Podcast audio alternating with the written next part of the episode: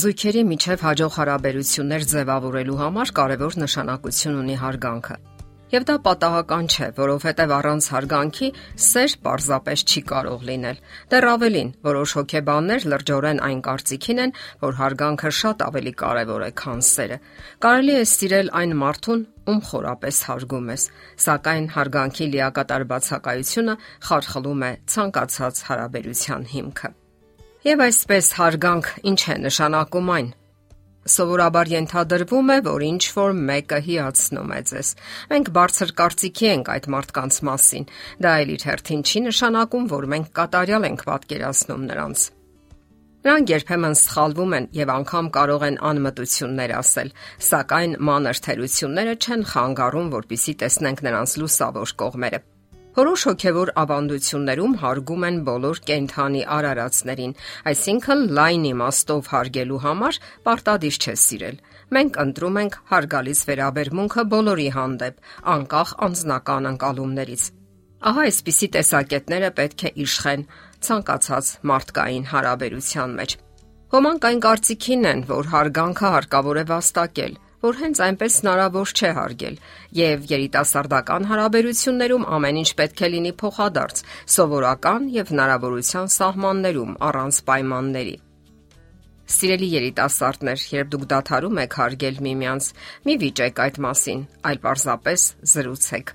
Հարգանքը պետք է լինի սովորական։ Երբ երիտասարդներն ամուսնանում են այն լիակատար վստահությամբ, որ իրենց սերը պետք է ավարտ չունենա եւ լինի հավերժական, լուրջ մոլորության մեջ են եւ իրենց խոր հիասթափություն է սպասում։ Սերը հավերժական չէ, այն գալիս է եւ գնում։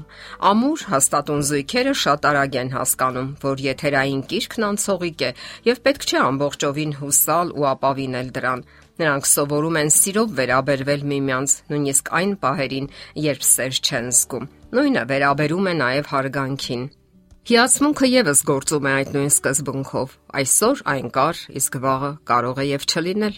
Մի պահի դուք հիանում եք ձեր կողքի անznավորությամբ, իսկ հաջորդ պահին ապշում եք, թե որքան թերություններ ունի նա Դա էլ միանգամայն բնական է, որովհետև դուք պարտավոր չեք հիացմունք կամ երկյուղացություն զգալ նրա հանդեպ ամեն օր, ամեն վարքյան, ինչև ձեր կյանքի վերջը։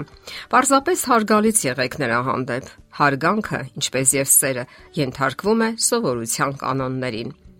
Հարգել միմյանց երբեք չի նշանակում, որ կողմերից մեկը անընդհատ ջանք է անում ուղղվելու եւ շտկելու իր թերի կողմերը, իսկ մյուսը ոչինչ չի անում։ Ձեզանից յուրաքանչյուրը պետք է գնա զիջումների, կատարեք մեկ քայլ եւ տեսեք թե ինչի է հանգեցնում դա, սակայն ցուցակը թողեք։ Մի քանի շաբաթ հետո վերադարձեք ցուցակին եւ տեսեք թե ինչն է փոխվել։ Վերլուծեք ձեր համատեղ նվաճումները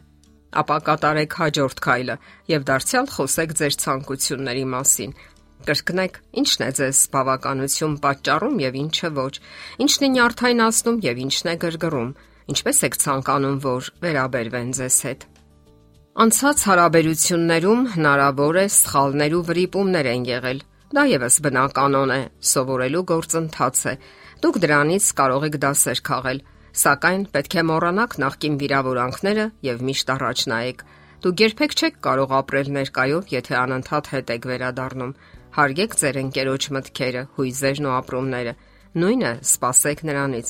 Հիշեք, որ դուք պատասխանատու եք ձեր վարքագծի համար։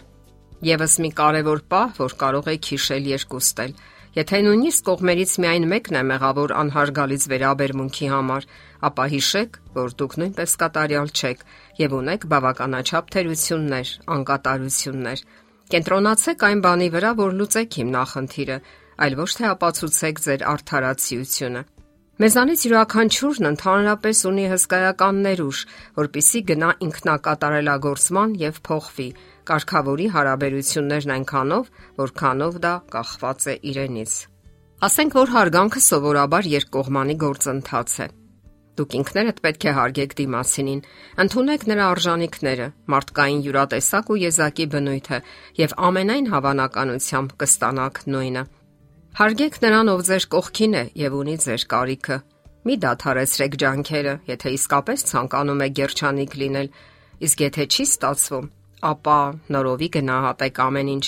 Իսկ միգուցե դուք սխալվում եք ձեր ընտրության մեջ։ Հիշեք, որ ձեր ընտրությունը միայն եւ միայն դուք եք կատարել կամ կատարելու եւ դարձյալ հուսացեք լավագույնին։ Ելք միշտ կա։ Եթե դուք երկուսով եք լծվում հարաբերությունների կարգավորման մեծ աշխատանքին կամ գործընթացին, միմյանց հարգելու կարևոր նպատակին, դուք միայնակ չեք կարող անել դա։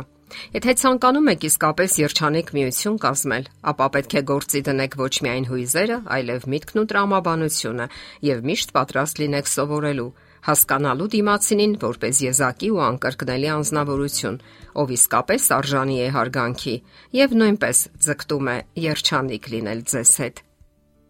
Եթերում ճանապարհ երկուսով հաղորդաշարն է։ Հարցերի եւ առաջարկությունների համար զանգահարել 033 87 87 87 հեռախոսահամարով։